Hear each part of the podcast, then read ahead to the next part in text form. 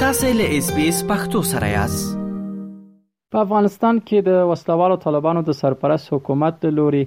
لوی جرګې ته ورته د دیني علماو او قومي مخاورو درې ورځنۍ غونډه د افغانانو د تمې او توقع خلاف د شنبې په ورځ د یوه یولس ماده ییز پریکړه لیک په صادرولو پای ته ورسېده په دې غونډه کې ګډونوالو دیني علماوو او قومي مخورو یوازې د طالبانو د سرپرست حکومت په طرفدارۍ پرېکړې وکړې، خو د هغه اساسي موضوعاتو په اړه په کې خبرې او پرېکړې ونه شوې چې د اکثره افغانانو ښځو او انجونو تمه ترې وه. که څه هم توقع وه چې د علماوو په دې غونډه کې به د تعلیم، تحصیل، اقتصاد، بېکارۍ، بېوزلۍ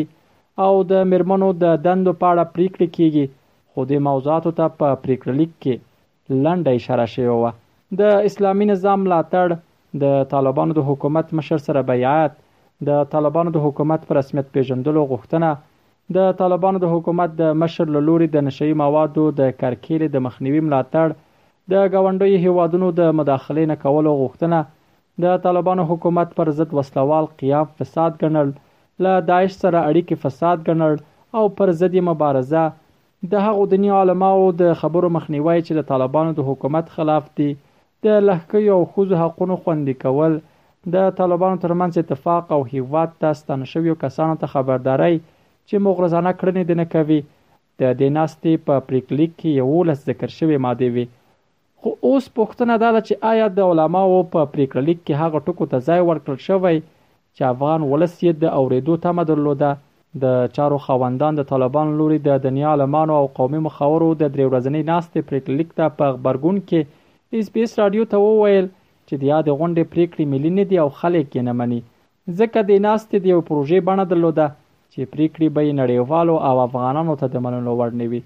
دغه شمېر د چارو خاوندان وايي، چې د طالبانو د سرپرست حکومت لوري د علماوو رابلل شوې غونډه کې تر ډېره د خپل نظام په تحکیم او پیاوړتیا ټینګار په کې کړی دی. دوی زیاته کړه، چې غونډې د افغانانو توقعاتو خلاف د اوسنیو ستونزو په هوارۍ چې د نجونو د ښونځیو پرانستل کېدل او د ټولګډونه حکومت جوړېدل په کې شامل دي، بحث پرې ونه کړ. مونږ په لومړي قدم کې دې غونډې ته ډېر خوشبینه ولو چې ګویا دوی راجوړ کړله دا غونډه او لکه د لویې جرګې غوندې به تصامیم نیسي نو په خواشینۍ باید ووایو چې دې غونډې هغه څه چې د افغانستان خلکو ترې تمه لرله هغه نه وله بلکې دا یوازې د دوی د هغه ګرو د تقویې لپاره او د حمایت لپاره دا را جوړه شوې وله نو دا غونډه سمه غونډه نه ده دا به په هیڅ عنوان باندې مثبتې پایلې ونه لري او بلکې دا نور هم ناامنۍ بې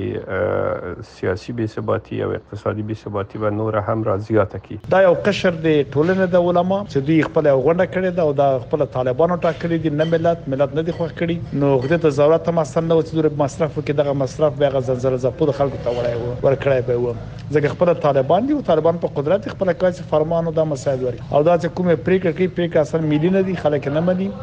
او دوی خپله یو پروژه غوندی دا یو پروګرام جوړ کړی وه نه یې نړیوال دا منی ځکه د خلکو مشروعیت پکې نشته د خلکو رای او اراده نو دا څه دی یو توصیه او بل ته توصیه وکړي او بیات دا مخکې دی کړی وو واقعا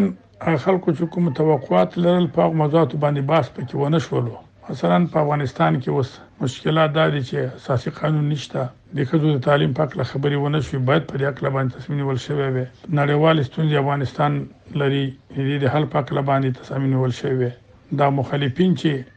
اوس د دې اسلامي امارت سره په مخالفت کې ولاړ دي دوی په اړه باندې پریکړه شوې او په دغه موضوعاتو بحث ونه شولو ممکن دا په دې خاطر نه شوی چې شاید دا به اجرا شورا اجرا چارو ته سپاري دا اوس ته به داسې حالت ورکړي چې په دې اړه باندې بیا تصامیم ونسي په مناسب وخت کې که څه هم د طالبانو لخوا د څه باندې څلور نیم زره دیني عالمانو او قومي مخورو په غونډه کې ډېرو کمو ګډونوالو د نجونو د زده کړو غږ پورته کړ، خو په وروستي پرېکړه لیک کې د ښوونځیو د بیا پرانیستلو په اړه کره وړاندیز ونه شو. د ښځو د حقونو فعالانې اس بي اس راډیو ته وویل، له یادې غونډې یې تمه درلوده چې د نجونو د ښوونځیو د بیا پرانیستلو په اړه پرېکړه وکړي، هغه مسله چې د دوی په وینا څه کره وړاندیز یا پرېکړه یې په اړه ونه شوه، دوی زیاته کړه چې په دې غونډه کې د ښځو په استازیتوب هېڅ څوک نه وو او د مېرمنو لپاره هېڅ پروګرام چې وکړای شي د هغوی برابر حقوق توضیح کړي ځای نه و ورکړل شوی. کابل د خلکو دا وه چې دوی به د ښوونځیو ستونزه د جینکیانو د ښوونځیو ستونزه حل کاندي. البته په دې اعلامیه کې یو څه څرک لیدل کېږي. اما نور داسې یو څه چې وو واقعي دوی په خپل باندې دغه جرګه چې راغوښته و دغه حیثیت راټیټ کړ او هیڅ هغه فیصله و نه کړه چې هغه ډیره زیاته قوي فیصله و دا نه کوم پایله لري نه د چا غوښتنې منل شوې دي او نه د شذو په حق لا باندې کوم تصمیم نیول شوی دی چې شذو باید چونځي ته ولر شي یعنی انجونو د شپږم نه پورته تر دولسمه نو همیشه په شوزو باندې دوی فوکس لري دوی باید فوکس په اقتصاد باندې ولري د شوزو په تعلیم باندې ولري دوی د نړیوالو د پاره هم یو لاس راوړنې ولري چې دوی ومنل شي اخوا یو شمېر عام افغانان هم د طالبانو د سرپرست حکومت له لوري وروستۍ غونډې ته په غبرګون کې اسبیس راډیو ته وویل له دې غونډې یې دا تمه درلوده چې د هېواد مهم مسایل یې په کې څېړلي ول او په اړه یې مهمې پرېکړې کړې وای، خو برعکس په دې ناسته کې د دوی د تمې خلاف پرېکړې وشوې. د دوی په باور یادې ناستې نمایشي بڼه درلوده او پایله یې یوازې همدا شوه چې په کې د طالبانو د سرپرست حکومت په طرفدارۍ پرېکړې وشي نه د ملت په ګټه. زه د افغان ځوان په توګه دغه جرګه یا دغه ناسته کومه ګټوره نه بولم او د دې سره بیره دغه جرګه چې جوړه شوې وه څه هیلې چې د افغانانو وې چې د ښوونځیو پرانیستل وو ملي ارزښتونه وو ملي بیرغ وو د تمې خلاف لاړله مخته او د افغانانو هغه غوښتنې پکې ونه منل شوې چې هیله بښونکې وې. تمه دا کېده چې د غونډه به مهمه پریکړه وکړي مثلا د افغانستان اساسي قانون په مورید به خبرې وکړي په حکومت داري به خبرې وکړي د جنو د خونځي او بیا پرانستلو مسله داخلي مشروعیت باندې خبرې وکړي او